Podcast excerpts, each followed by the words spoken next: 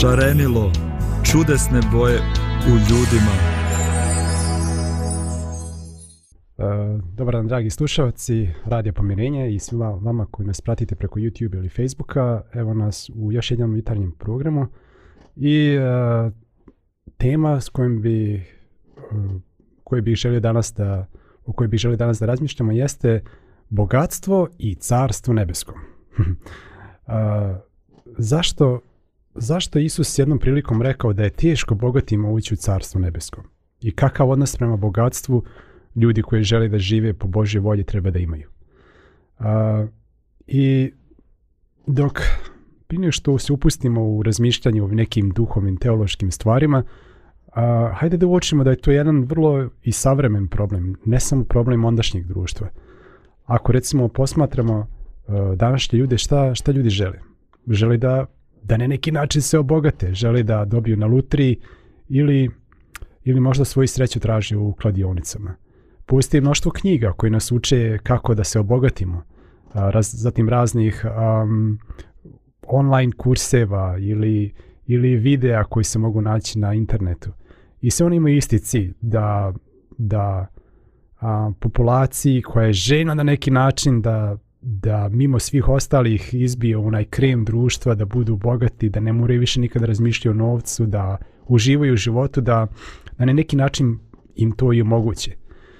Međutim, najčešće oni koji prodaju oni koji prodaju uh, teorije i razne priče o tome kako se obogatiti, se bogate na osnovu prodavanjem priče, a nešto su se sami obogatili. Tako da tako da, ovaj, da, da čisto ta, ta potraga i ta, ta želja da se obogatimo ostaje, ostaje neispunjena. Uh, hajde prvo da, da razmislimo o tome zašto mi uopšte toliko želimo da budemo bogati. Odnosno, koja je to sila koja nas pokreće ili motiviše da žarko želimo da, eto, baš mi budemo ti koji će se obogatiti. A, vjerovatno postoji više odgovora. Evo, meni neki koji padi na pamet zato što oni koji su i opravdani. Život e, u siromaštvu i život gdje se spaja kraj s krajem je život stresa i problema koji moraju da se riješe. Čovjek kad ima dovoljno novca ne mora da brine o tome plaćanju računa, o, o hrani, odjeći, o nečem što se pokvarilo u kući, o nekim iznenadnim e, zdravstvenim troškovima ili tako dalje. Znači, barem to nije problem. I zaista ljudi koji imaju dovoljno novca imaju manje briga o tim stvarima.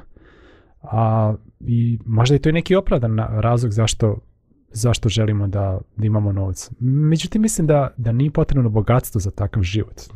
Mislim da a, da je dovoljno da čovjek pripada, hajde uslovno rečeno, onom što se nekad nazivalo srednjom klasom, pa da, pa da ne mora da brine o podmirenju elementarnih životnih potreba. A drugi razlog zašto, zašto mi želimo da, da se obogatimo jeste da zato što vjerujem da, da smo mi pod uticajem da smo pod uticajem filmova, serija, um, raznih, um, zatim muzike koje slušamo, um, časopisa i novina i članaka koje u njima čitamo i tako dalje.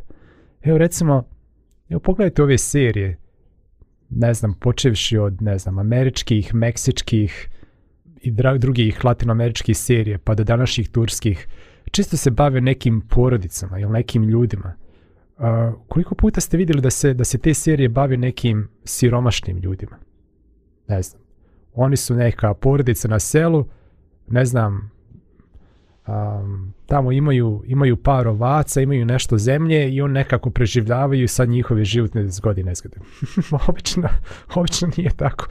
Znači, obično se radi o nekim vrlo imućnim porodicama koji imaju nekakav veliki porodični biznis, šta god da, da je. Još kad je počelo sa tim TV novelama tamo 1980-ih sa, sa dinastijom i sa Dalasom, znači uvijek neki bogataši, naftaši imaju imaju novca preko glave i onda, ali imaju neke probleme, znate, joj, ovaj, ovi se nešto posvađali, ovi ne mogu biti zajedno i tako dalje.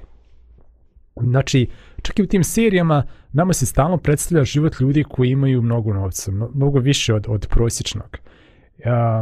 u muzici, sad ne bih želio da, da govorim o tome, ali vrlo često se, ako se spominje e, neki motiv novca u, u, u muzici, to je onda u vrlo nekom materialističkom materialističkom smislu. Ovaj, počevši od Madone koja je pjevala ja sam materialistička djevojka, ja živim u materialističkom svijetu, ja sam materialistička djevojka, pa do, ne znam, turbo folka gdje, gdje se pjeva kupi mi bundu.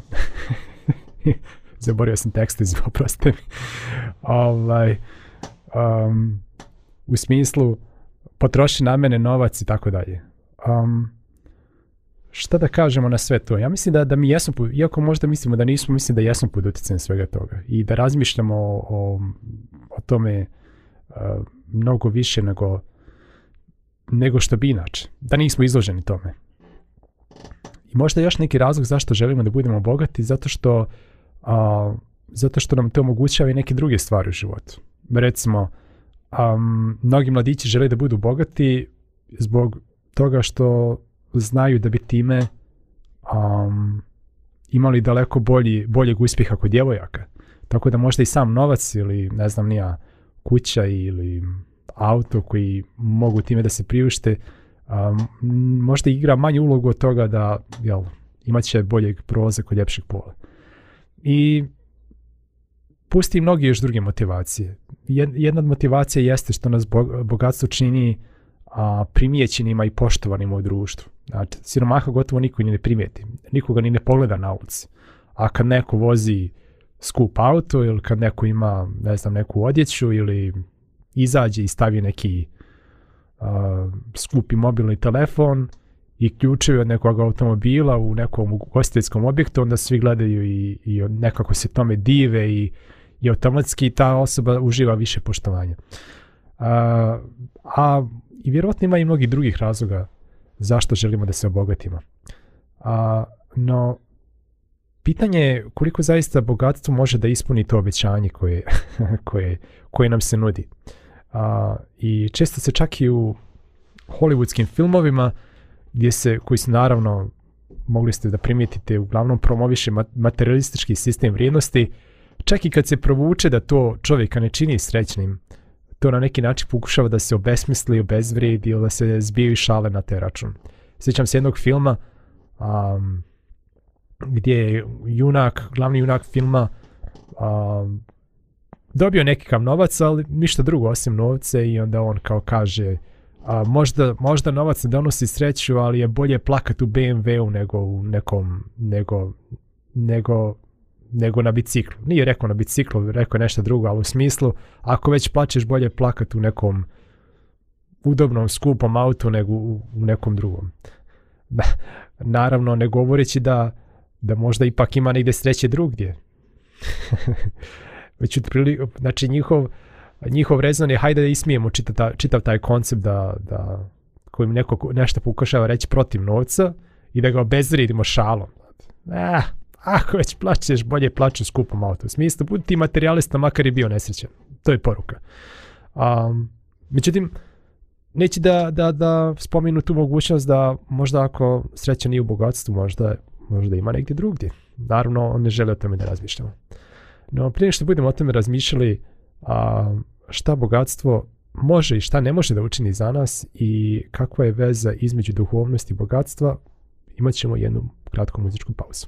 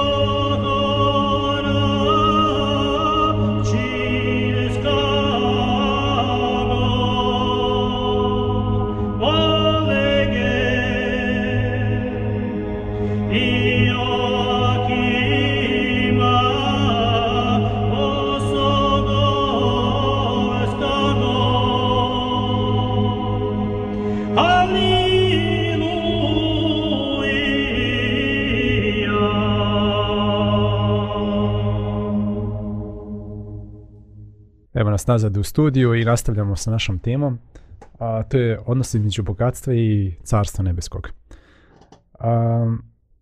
naime, a, e, kada Isus govorio o tome da, da je teško bogatima ući u carstvo nebesko, a, možda nije loše da pročitamo kontekstu u kojem je on to rekao. to je jedno od pravila pri čitanju Svetog pisma, je da ne uzimamo jednu riječ ili jednu rečenicu i onda pušamo da da je na neki način damo i značaj koji ona nije imala u onom trenutku kada je izrečena, već da pogledamo vrijeme i, i, osobe kojima je, ta, kojima, se, je to upućeno i zašto je to rečeno. I desilo se da jednog dana ovaj, jedan čovjek prišao Isusu i pitao ga, učitelju, kako je dobro da učinim da bih imao vječni život?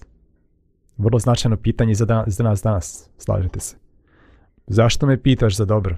reče mu Isus. Samo jedan je dobar. Ali ako hoćeš da uđeš u život, drži se zapovijesti. Kojih? Upita ga čovjek.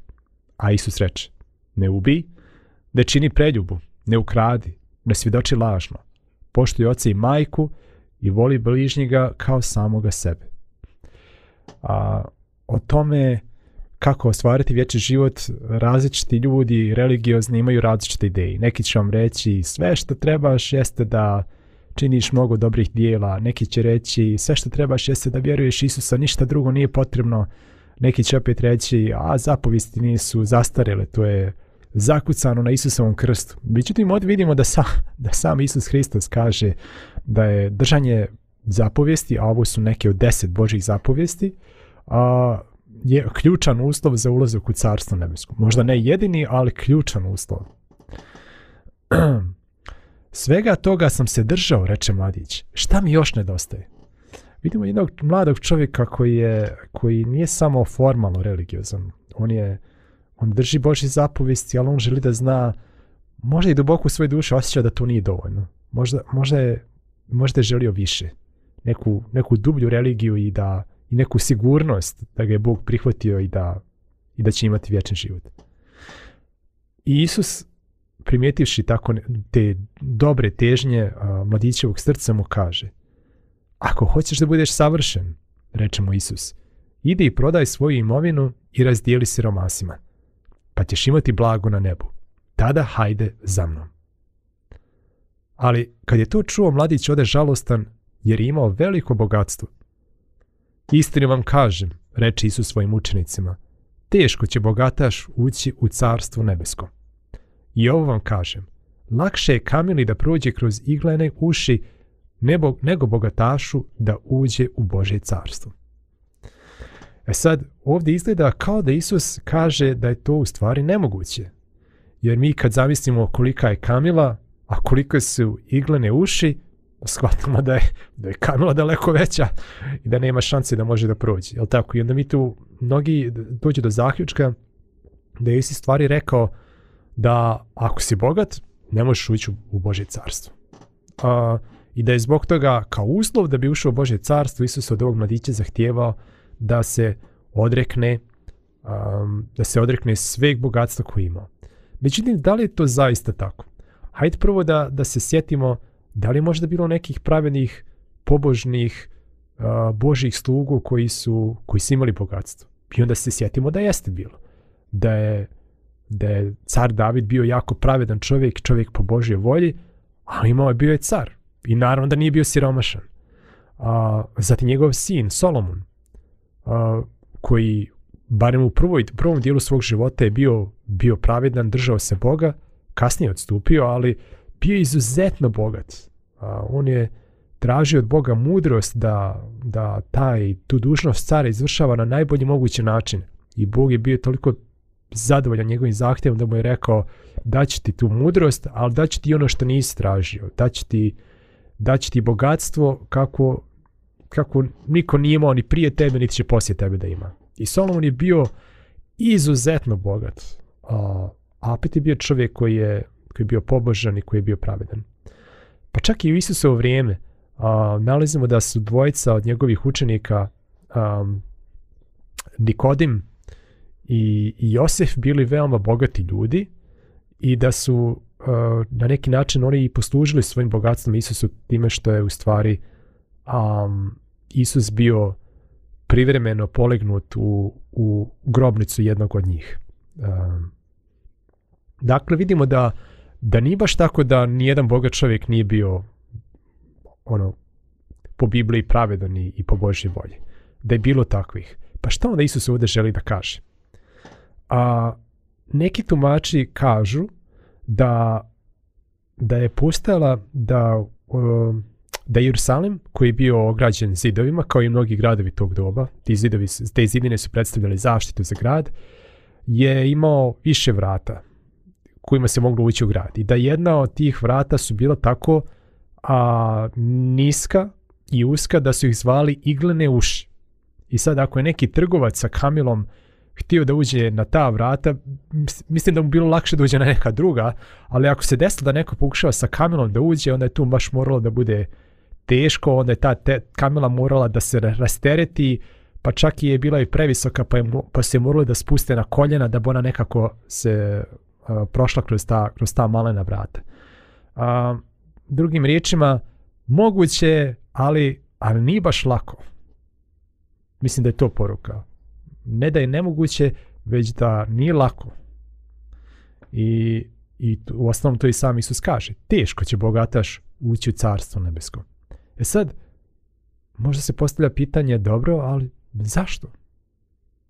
I morate da razumijete da je način razmišljanja jevrijskog čovjeka tadašnjeg vremena, a Isus i njegovi učenici su svi bili jevreji, jel tako? A to je da je, oni su shvatili da je bogatstvo znak da je nekoga Bog blagoslovio. I da ako neko ima mnogo novca, to znači da je taj bio dobar, pravedan čovjek i da ga je Bog, da je Bog izdio svoje blagoslove, pa između ostalog i taj blagoslov bogatstva. I sad kad Isus kaže da će boga čovjek teško ući u, u carstvo nebesko, njima se, njima se svijet okrenu na, na opačke. Eto, Bože ima uh, i um, njegova, njegova serija misli se naziva na opačke, zato što on baš govori o, često o tom obrnutom sistemu vrijednosti koji mi imamo na ovoj zemlji i onoga što je u nebeskom carstvu. Pa tako se dešava i u ovom slučaju, da, da učenici prosto ne mogu da vjeruju. I onda oni mi pitaju sljedeće stvar. Kad su to čuli učenici se silno začutiše pa rekoše pa ko onda može da se spas? Ako bogati koje je Bog blagoslovio, a koje Bog najviše voli, ne mogu ući u carstvo nebesko, pa ko onda može? A Isus ih pogleda pa reče, ljudima je to nemoguće, ali Bogu je sve moguće. Gdje gdje Isus govori da, da spasenje nije nešto što čovjek može sam svojim naporima da ostvari, već nešto što Bog ostvari u čovjeku. Da je spasenje Boži dar, a ne rezultat čovjekovih napora ili pravednosti. Tada Petar reče, evo mi smo sve ostavili i pošli za tomom, šta ćemo dakle dobiti? Istinu vam kažem, reče Isus. U novom svijetu, kad sin čovječe sjedne za svoj slavni prijestol, i vi koji ste pošli za mnom sjašćete na dvanaest prijestola i suditi na dvanaest plemena Izrelovih. I kogod je radi moga imena ostavio kuće ili braću ili sestre ili oce ili majku ili djecu ili njive, dobit će stostorko više, jedan privod kaže, već na ovom svijetu i na će vječni život. Ali mnogi prvi bit će posljednji i posljednji prvi. iz ove priče možemo da zaključimo sljedeće. da sticanje i sticanje bogatstva i, i velika imovina ne daje nikakvu vrijednost čovjeka pred Bogom.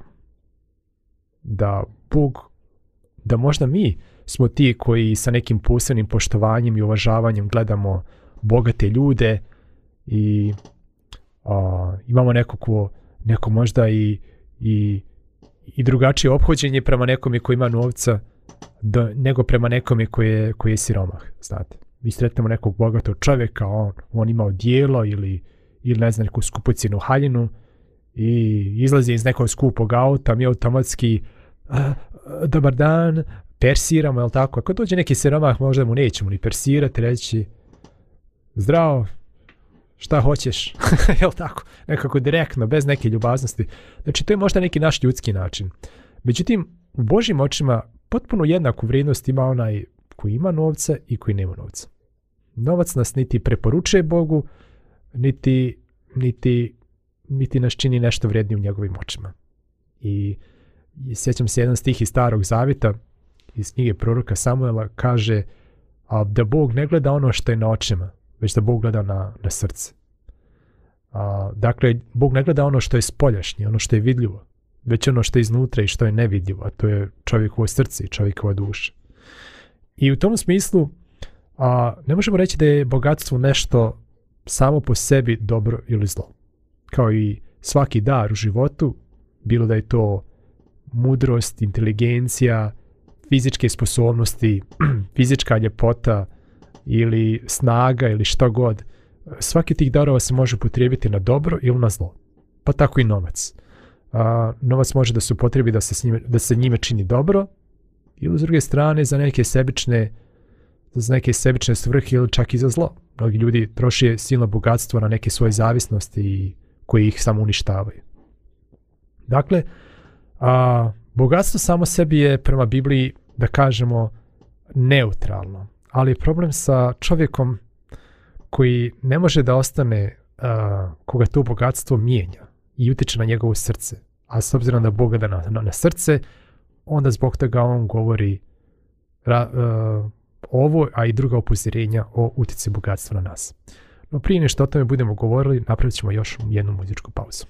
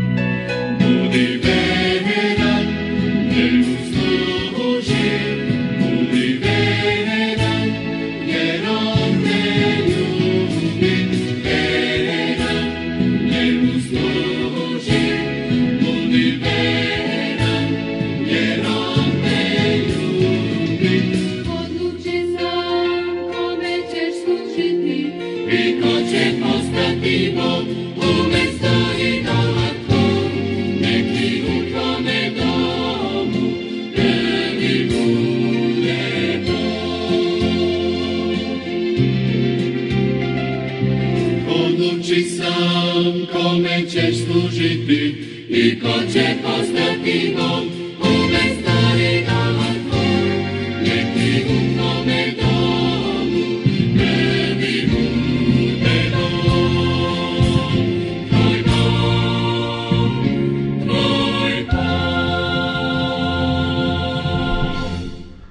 Evo nas nazad u studiju, nastavljamo sa našom temom o e, odnosu između bogatstva i carstva nebeskog. Da li bogati ljudi mogu ući u carstvo nebesko? Vidjeli smo da, da je to teško, ali da je bilo bogataša koji su bili e, i vrlo, čak i carjeva, vrlo bogatih koji su bili po Božoj volji, koji su bili pravedni i na osnovu onoga što Biblija tvrdi, možemo zaključiti da će naslijediti carstvo nebesko onda u čemu je problem sa, i također smo mogli da zaključimo da Bog ne gleda ono na što je spolja, već na iznutra i da a, u tom smislu bogatstvo je neutralno u smislu spasenja, da, da Boga čovjek niti će, um, da novac niti utiče da neko bude bolji ili loši u Božim očima. Međutim, zašto je onda Isus dao ovo upozorenje ako je, ako je bogatstvo po samo po sebi nije ni dobro ni loše? Zato što je vrlo dobro znao kakav je utjecaj bogatstva i novca na čovjeka i kako mijenja čovjekovo srce. Da bismo bolje razum, to bolje razumjeli, evo pročitat ćemo još jednu priču, ovaj put iz Evanđelja po Luki 12. glava. Tada mu reče neko iz naroda, učitelju, reci mom bratu da sa mnom podijeli nasljedstvo. Ovo je inače bio običaj u to vrijeme da da se ljudi obraćaju nekom rabinu, nekom učitelju, nekoj, nekoj poštovanoj osobi za koju imaju povjerenje da je po Božoj, da je pravedna i da će da pravedna da sudi, da sudi između, u sporu između dvije osobe. I ovdje mi vidimo dva brata, evo vidimo da se taj problem oko, oko zemlje i nasljedstva i dešavaju u to vrijeme, gdje se dva brata svađaju oko, oko zemlje i kako će da podijeli nasljedstvo. Jedan je htio više, možda je jedan htio ono, onaj bolji dio zemlje, a onaj drugi mu nije dao i tako dalje. Čovječe, odvrati mu Isus, kome je postavio za sudiju ili za izvršitelja nad vama? Vidimo dakle da je Isus odbio da posrde u ovom sporu između njih. A onda im reče, pazite i čuvajte se svake pohlepe, jer i kad čovjek ima u izobilju, njegov život ne zavisi od njegove imovine. I ovdje vidimo šta je problem sa, sa novcem. Nije problem sa novac sam po sebi, već problem je što već je problem naše želje za novcem, naše pohlepe. I da, da je ta pohlepa ta koja nas sprečava da, da uđemo u carstvo nebesko. Jer je ona potpuno suprotna Božoj prirodi. Hajmo da razmislimo o tome ko je Bog i kakav je On. Bog je tvorac svega što pusti i Bog je podario i sam život kao dar, i sve što imamo u ovom životu dobili smo kao dar od Boga. Dakle, sve dolazi od Boga. Što znači da je nesebičnost i ljubav a, suština Božje prirode. I sad, zamislite čovjeka koji je pohlepan, koji izgrće sebi bogatstvo, uživa u njemu, a ne gleda na svoga bližnjega. To je potpuno suprotno. Znači, Bog ima i Bog daje, od njega dolazi sve i od njega svako stvorenje, zahvaljujući njemu, živi i ima od čega da živi, a čovjek zgrće sebi i ne dijeli ni sa kim, već sve sabira za sebe. I da bi, da bi objasnio ovu, ovu poentu, Isus priča jednu priču. Jednom bogatašu je zemlja dobro rodila. I on je ovako razmišljao. Šta da radim, pošto nemam gdje da spremim svoju ljetinu? Onda reče, evo šta ću. Srušit ću svoje ambare i sagradit ću veće pa ću u njih spremiti sve svoje žito i dobra. I reći ću svoj duši, dušo, imaš mnogo dobara spremljenih za mnogo godina. Odmara, jedi, pi i veseli se. Ali Bog mu reče, bezumniče, koliko noćas će ti život biti oduzet. I čije će onda biti što, to što si spremio? Vidimo jedan point onoga što Isus htio da kaže jeste da je ovaj čovjek um, imao zemlju, imao ambare, međutim ove godine mu je toliko rodilo da ti ambari nisu bili dovoljni da prime uh, svovu ljetinu. I on je odlučio, pa šta da radi, pa je razmišljao, pa je onda odlučio.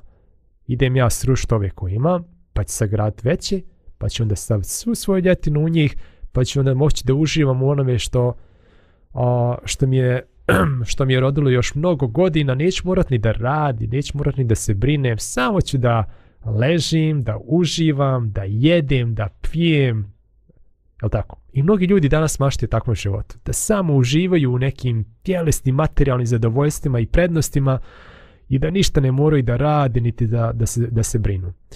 Međutim, kakva je Božja reakcija na, na ovog bogataša? Kaže mu, bezumniče, neko bi se činio ovaj njegov plan vrlo inteligentan, tako? Riješi je problem. Niti će, nit će mu propast ljetina, niti će ovaj, onda izgubio tih prihoda, već kao da je na neki način vrlo inteligentno riješio svoj problem. Međutim, za Boga je on bezumnik. Vidjet ćemo kasnije zašto. Koliko noćas će ti život biti oduzet?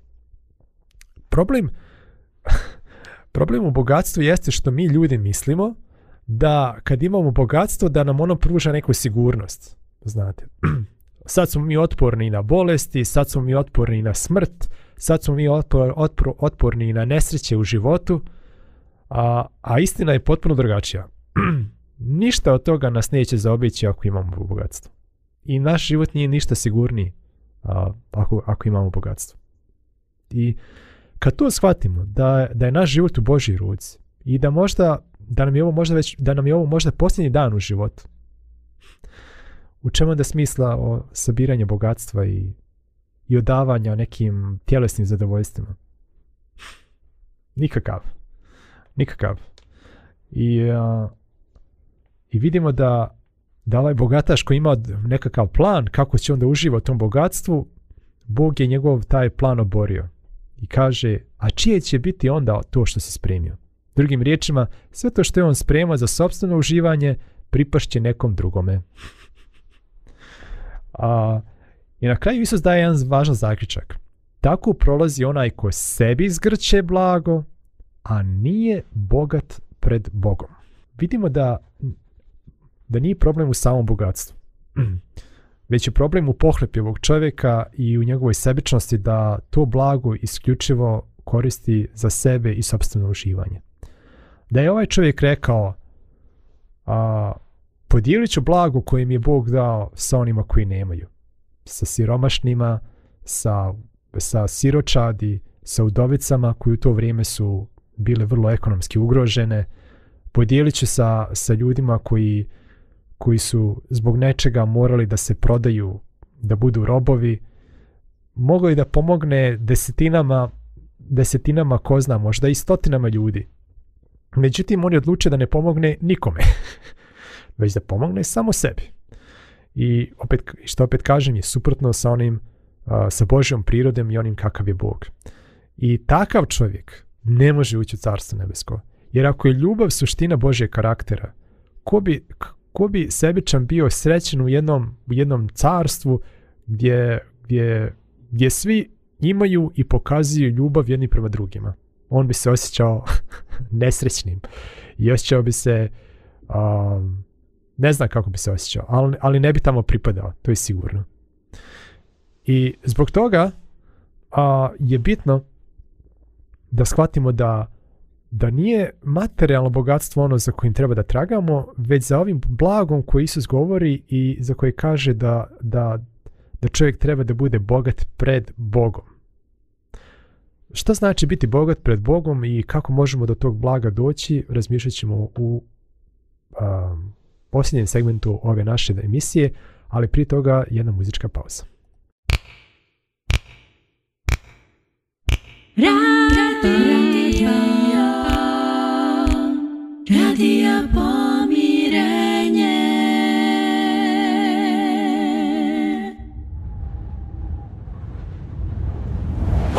sam si ti, Isuse.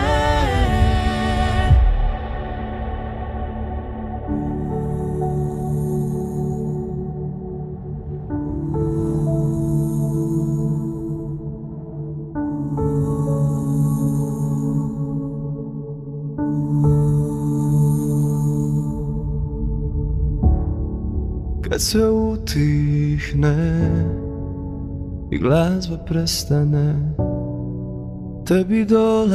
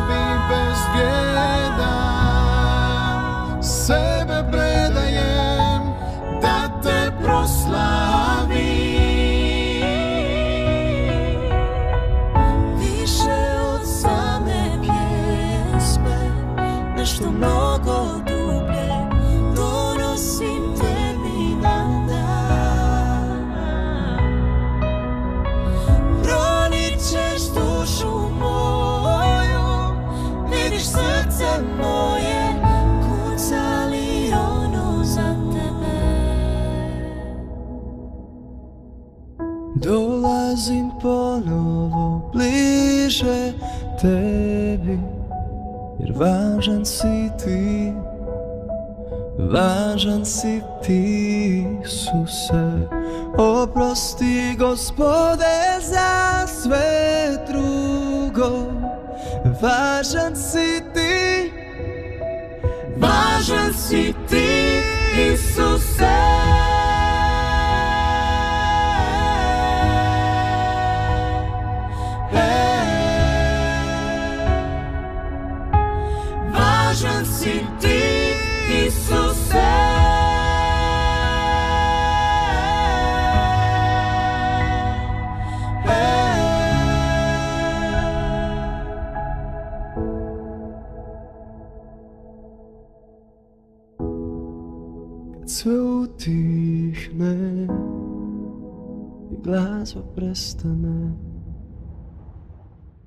Evo nas nazad u programu i nastavljamo sa našom emisijom gdje govorimo o odnosu između bogatstva i carstva nebeskoga.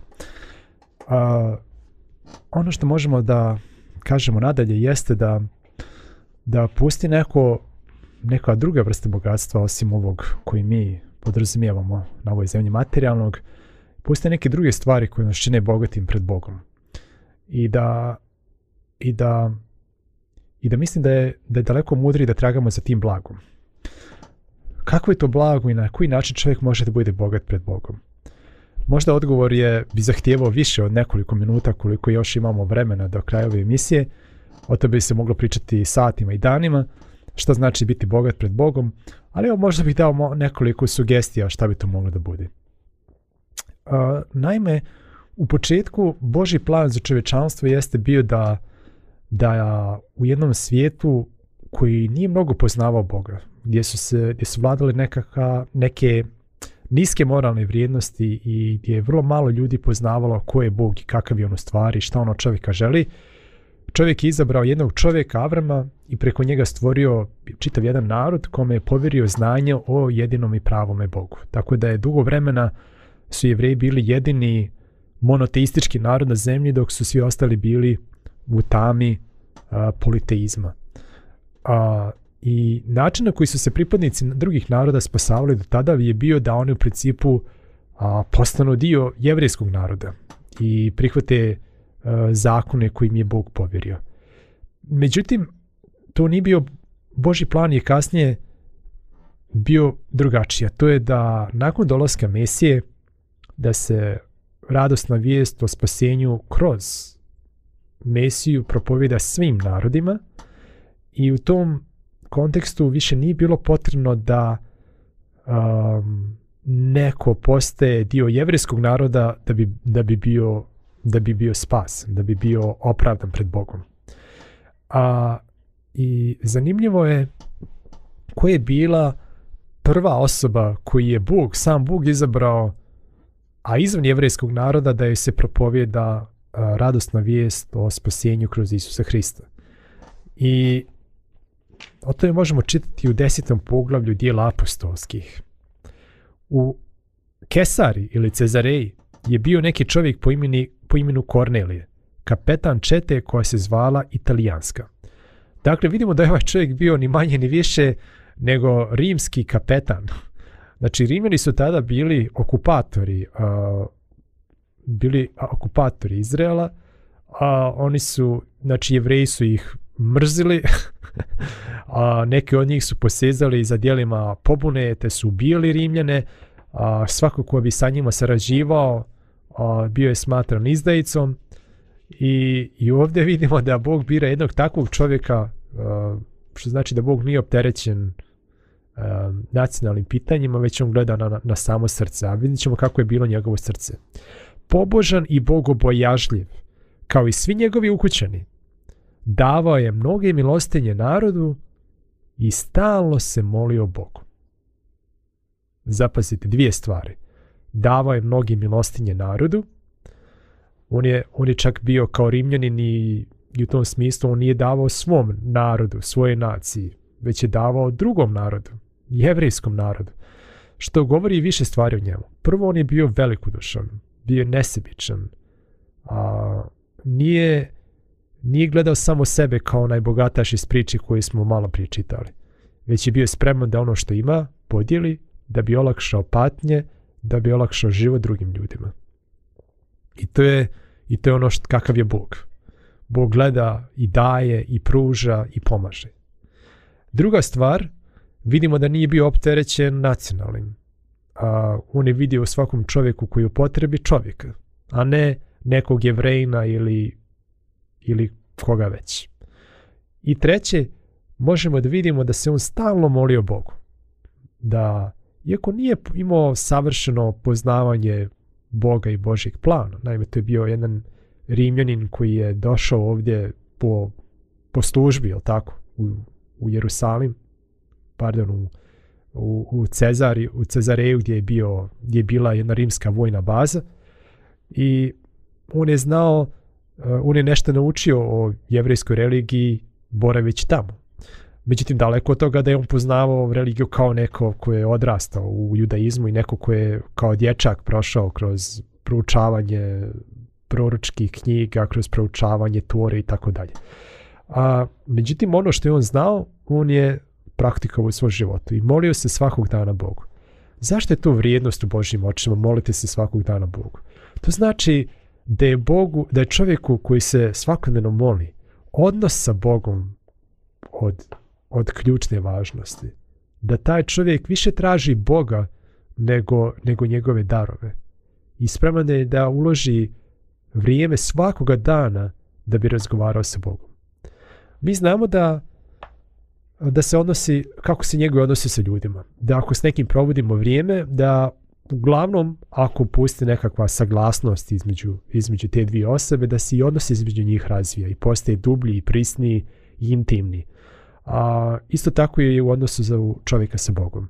Znači, što više provodimo vremena sa Bogom, što više razgovaramo sa njim, što više dopuštamo njemu da govori nama kroz, kroz sveto pismo dok ga čitamo, dok više razmišljamo o njegovim riječima i dok činimo ono što nam je on rekao da činimo, utoliko naš odnos sa Bogom postoji bliski, prisni, intimniji, tako da ako smo možda iz početka tražili Boga iz nekog iz neke svoje ovozemaljske potrebe, možda zato što nam treba zdravlje, možda zato što nam treba pomoć u nekom problemu, možda zato što nam treba izbavljenje od neke zavisnosti ili nekog grijeha koji nas muči, a to je možda neka nešto što nas je pokrenulo da tražimo Boga, ali kako vrijeme prolazi, mi tražimo Boga zbog njega samoga, zbog onoga ko je on i kakav je on.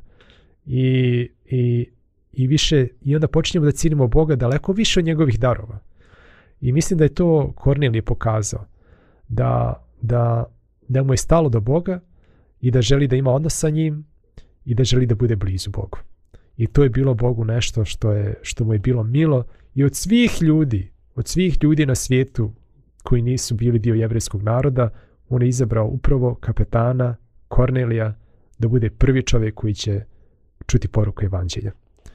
I priča ima srećan završetak, a priča je fenomenala, preporučujem da pročitate deseto poglavlje uh, dijela apostolskih, ako nemate sveto pismo kod kuće, nabavite ga, a ako, a ako um, a ako ne, ne želite da, uh, ako nije vam lako i brzo da ga nabavite, onda potražite na internetu, na internetu ima mnogo online izdanja Svetoga pisma i pročitajte deseto poglavlje uh, dijela apostolskih, to je peta knjiga u Novom Zavjetu i pročitat ćete jednu fenomenalnu priču kako se to sve odigravalo i kako je, kako je Bog vodio sve to.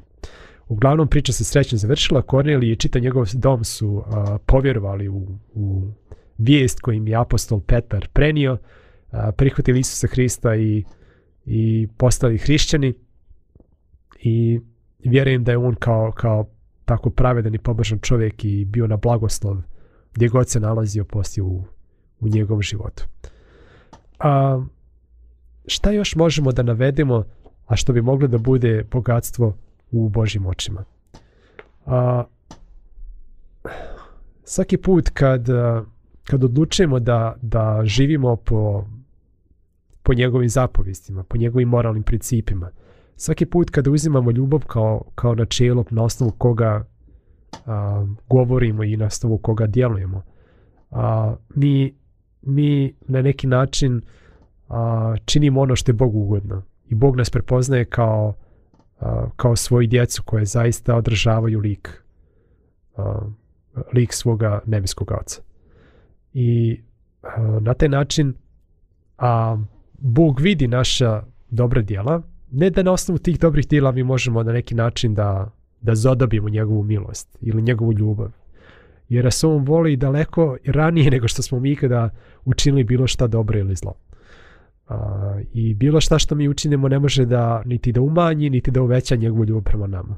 Ali na neki način i ta dobra djela predstavljaju nešto nešto što Bog pamti i, što, i na što Bog uzvraća blagosjeljeći davaoca tako da uvijek ima dovoljno i za svoje potrebe, a da ima i da nastavi da daje drugima. To je nekakav Boži princip na kako Bog radi. I na jednom mjestu u Svetom pismu, eto nisam sam pronašao taj stih, a, stoji da podašna ruka biva bogatija. Jer tako, mi opet je to nekako kontradiktorno onome što mi očekujemo. mi mislimo, aha, ja sam sad nešto dobio, ako ja dam drugima, šta će meni da ostane? Idem ja da onda to sve zadržim za sebe, tako da meni bude više, jel tako? To je neki način kako, kako ljudi često razmišljaju. Međutim, Sveto pismo a, daje neku drugačiju steku, da podašna ruka biva bogatija. Drugim riječima, onaj koji da, taj će opet da dobije. I da, na neki način to je kao nekakav, što neki ljudi kažu, protočni bojler, znate. Da ako voda može da izađe iz bojlera, a onda može i da uđe. A ako neko zatvori ventil i voda ne može da izađe iz ventila, iz, iz bojlera, ne može više ni da uđe. Na taj način a, funkcioniše i, i sa blagom koji nama Bog daje. Ako ga samo zgrćamo za sebe i dajemo, može biti da presuši izvore i da više ne može da uđe a kogod daje drugima, Bog je obećao da nikad neće biti da on sam nema. Eto, to su neke e, to su neki načini na koji možemo mi da se obogatimo pred Bogom. A, hajde još jednom da se vratimo na, na upozorenje koje je Bog dao. A, naime, u poslanici Timotiju, prvoj poslanici Timotiju, šestoj glavi čitamo – jer je korijen svih zala srebroljublje, dakle ljubav prema novcu, tad je novac bio uglavnom uh, uglavnom u novčićima koji su pravljeni od dragocinog metala, da li od srebra ili, ili zlata, tako da je korijen svih zala, možemo reći, ljubav prema novcu, kojemu neki predavši se zađoše od vjere i na sebe navukoše muke velike. ako malo razmislimo, koje, koje su to stvari zbog kojih ljudi ne samo otpadaju od Boga, već zbog kojih recimo ljudi završuju zatvor. Naćemo da je u, u, u mnogim slučajevima to je upravo ljubav prema novcu. Ne znam, počevši od onog onog raskoljnikova iz, iz, iz zločina i kazne Dostojevskog koji je to zbog nekog novca ubio neku babu a, pa, do, pa do ne znam nija ljudi koji od onih koji pljačkaju pljačkaju banke ili od banaka koji pljačkaju stanovništvo ili ne znam od političara koji koriste svoj položaj da bi sebi i svojima zgrtali bogatstvo pa do ljudi koji ne znam nija prodaju drogu da bi došli do novca a i time uništavaju živote mnogih ljudi ali njih, njih, nije briga oni žele samo da oni njima bude dobro ne znam nija koliko ima zločina i kriminalnih dijela koji u svojoj srži sadrže želju da čovjek se obogati. Na neki brz, lakši, jednostavni način. Vidjet ćete da, da, da zaista je ljublje uh, korijen, korijen, svih zala. Ako ne svih, onda, onda većine zala. I da uh, onoga trenutka kad se oslobodimo tog ljublja, želje da, da budemo bogati, da budemo automatski mnoga iskušenja koje, pred kojima ljudi tako padaju će, će biti e, daleko lakša da ih prevazićemo.